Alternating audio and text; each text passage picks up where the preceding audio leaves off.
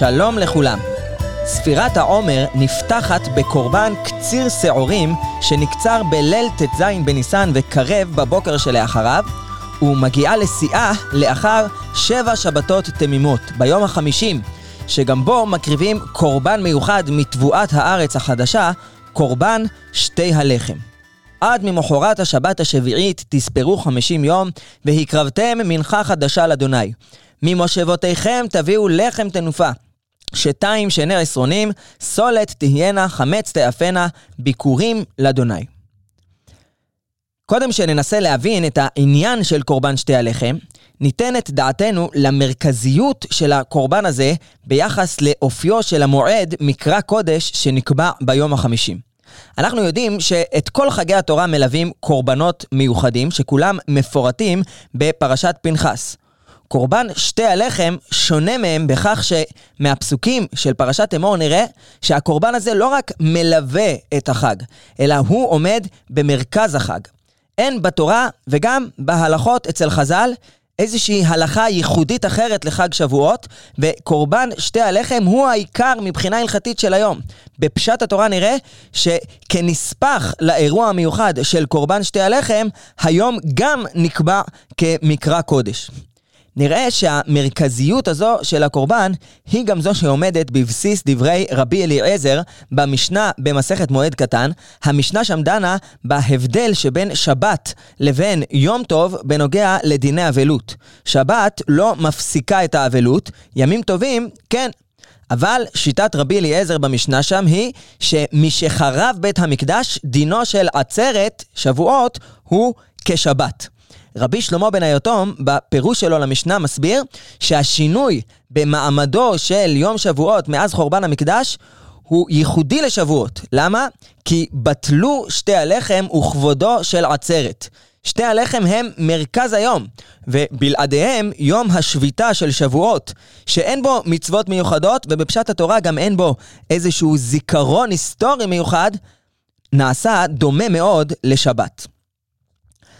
המרכזיות של קורבן שתי הלחם באה לידי ביטוי גם בשם הנוסף של היום בתורה.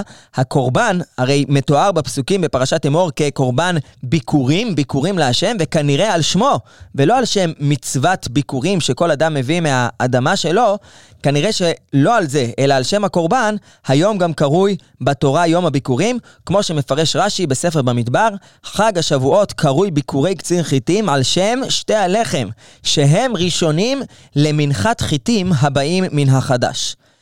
מכאן אנחנו יכולים גם לנסות להתחיל להבין את העניין של הקורבן, לעמוד על המשמעות של המקום המרכזי שהוא תופס בקביעת היום החמישים כמקרא קודש. במידה מסוימת אפשר לומר שכמו שביום הראשון לספירת העומר מקריבים קורבן ראשית, והבאתם את עומר ראשית כצריכם אל הכהן, כך גם ביום החמישים מקריבים קורבן ביקורים, מנחה חדשה להשם. ההבדל בין הקורבנות הוא שקורבן העומר מוגדר כראשית קצירכם, ראשית הקציר של העם בארצו, ראשית קציר החולין. קורבן שתי הלחם הוא מנחה חדשה להשם, הוא ראשית הקציר שעולה לקורבן במקדש. וכך היא ההלכה שנאמרה במשנה במסכת מנחות.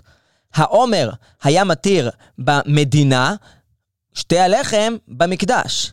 אין מביאים מנחות וביקורים ומנחת בהמה קודם לעומר, אם הביא פסול, קודם לשתי הלחם לא יביא אם הביא כשר. זאת אומרת, קורבן שתי הלחם הוא המנחה הראשונה שמביאים במקדש, חוץ מקורבן העומר, מתבואת הארץ החדשה. רק אחרי שמביאים את קורבן שתי הלחם, מותר להביא קורבנות מנחה אחרים מהתבואה החדשה.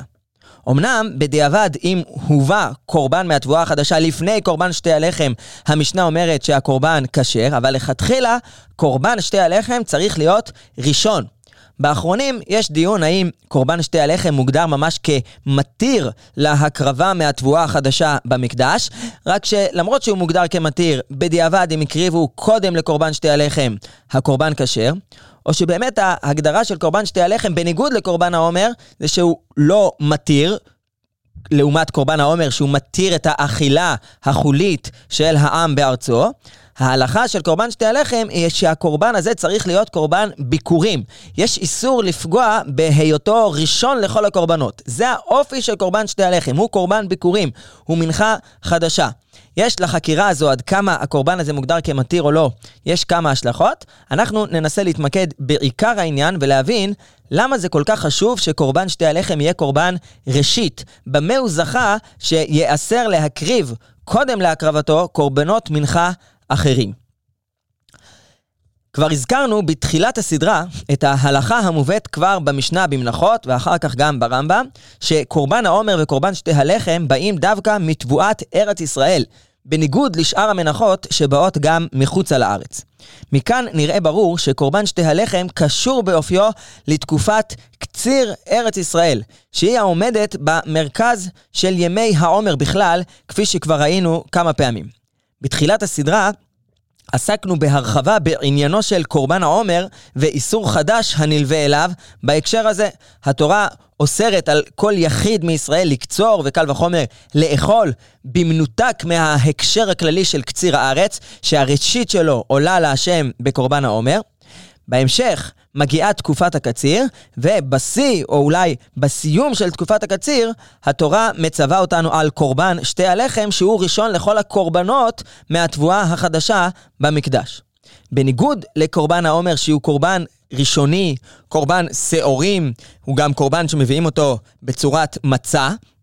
קורבן שתי הלחם הוא לא בהתחלה, אלא בשיאה של התקופה.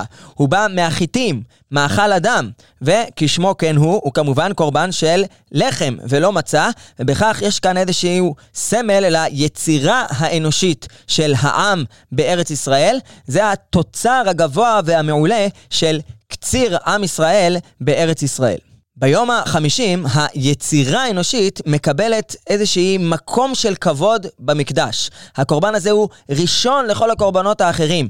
סביב ההקרבה שלו אנחנו קובעים מועד מיוחד. בניגוד לקורבן העומר, שדומה מאוד למה שאנחנו מכירים ממצוות אחרות, שבהן העלאת הראשית מתירה את האכילה האנושית, כאן יש איזשהו תהליך הפוך. היצירה האנושית המפותחת היא זו שעולה באופן חגיגי לפני השם, כשמלווים אותה קורבנות בהמה אחרים, ורק לאחריה מתאפשרת הקרבת קורבנ... קורבנות אחרים מהתבואה. לאחר תהליך של 50 יום, שבהם קציר הארץ לא היה קציר פרטי, אלא כמו שהגדרנו וראינו כמה פעמים, יש כאן את קציר העם בארצו, אחרי כל התהליך הזה, התורה מעלה לדרגה של קודש את התוצר האנושי של הקציר הזה.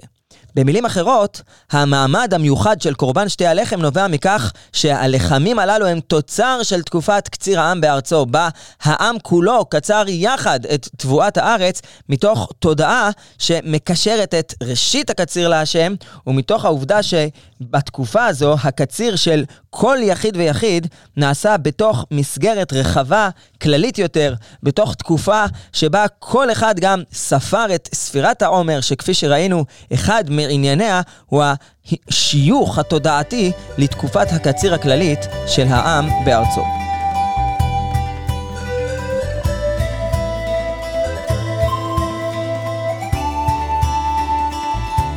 מתוך כך, אנחנו יכולים לתת משמעות נוספת להגדרת מועד היום החמישים כחג הקציר. לפי מה שראינו, אפשר לומר שאין כאן רק חג של הודאה להשם על הקציר, כפי שבאמת עולה בפשטות מפסוקי פרשת ראה בספר דברים. אלא שבחג הזה אנחנו מציינים את ייח... ייחודיותו של הקציר בארץ ישראל, שבו שיאו של הקציר עולה לקורבן מיוחד וחגיגי, עולה לקורבן ביקורים לפני השם, ובכך אנחנו מבטאים את הייחודיות של עבודת היצירה החקלאית, ואולי זה רק סמל, סמל ליצירה האנושית בכלל של עם ישראל בארץ ישראל, כשהיא נעשית מתוך זיקה וחיבור לייעוד ולסיפור הלאומי הכללי של העם בארץ. בארצו. כאמור, השם יום הביקורים נקבע בפשט התורה כנראה בקשר לקורבן שתי הלחם, שהוא קורבן ביקורים, אבל יש כמה מקורות בחז"ל שמלמדים על כך שהמילה ביקורים בשם של היום מתייחסת גם למצוות ביקורים שמוכרת לנו יותר ממסכת ביקורים, שמתחילים להביא אותם בחג שבועות. מעניין לציין שחז"ל מתייחסים במפורש לקורבן שתי הלחם לא רק כמי שלאחריו באים שאר קורבנות המנחה מהתבואה החדשה במקדש, אלא הוא גם קורבן שנחשב לביקורי ביקורים בלשון חז"ל. במובן הזה שרק לאחר הבאת קורבן שתי הלחם, ניתן להתחיל להביא את פירות הביקורים האחרים שכל אדם מישראל מצווה להביא משבעת המינים. בעניין הזה, מעניין להביא את דרשת חז"ל במסכת ראש השנה. מפני מה אמרה תורה הביאו שתי הלחם בעצרת? מפני שעצרת זמן פירות האילן הוא. אמר הקדוש ברוך הוא, הביאו לפניי שתי הלחם בעצרת, כדי שיתברכו לכם פירות האילן. מסביר האבודרעם, אמר הקדוש ברוך הוא, הביאו לפניי שתי הלחם הזה, המין המובחר והטוב מכל מיני הצמחים, לצורך חיי האדם, כדי שיתברכו לכם שאר כל מיני האילן שהביאו מהם ביקורי. החיטה והלחם הם המין המובחר של היצירה האנושית המופקת מתוך הקרקע, מתוך מרחב המחיה של העם, ארץ ישראל. אם עברנו את תקופת העומר והעלינו כראשית את קורבן שתי הלחם, ביטאנו בכך שעבודתנו בארץ ישראל והוצאת הפירות מתוכה הם לא רק יצירה, מימוש פרטי, אלא הם חלק ממכלול של חיי יצירה ועשייה של עם ישראל בארצו, ומתוך כך מתבררת ועומדת זכות הברכה גם לשאר פירות האילן, פירות שבעת המינים, פירותיה של ארץ ישראל.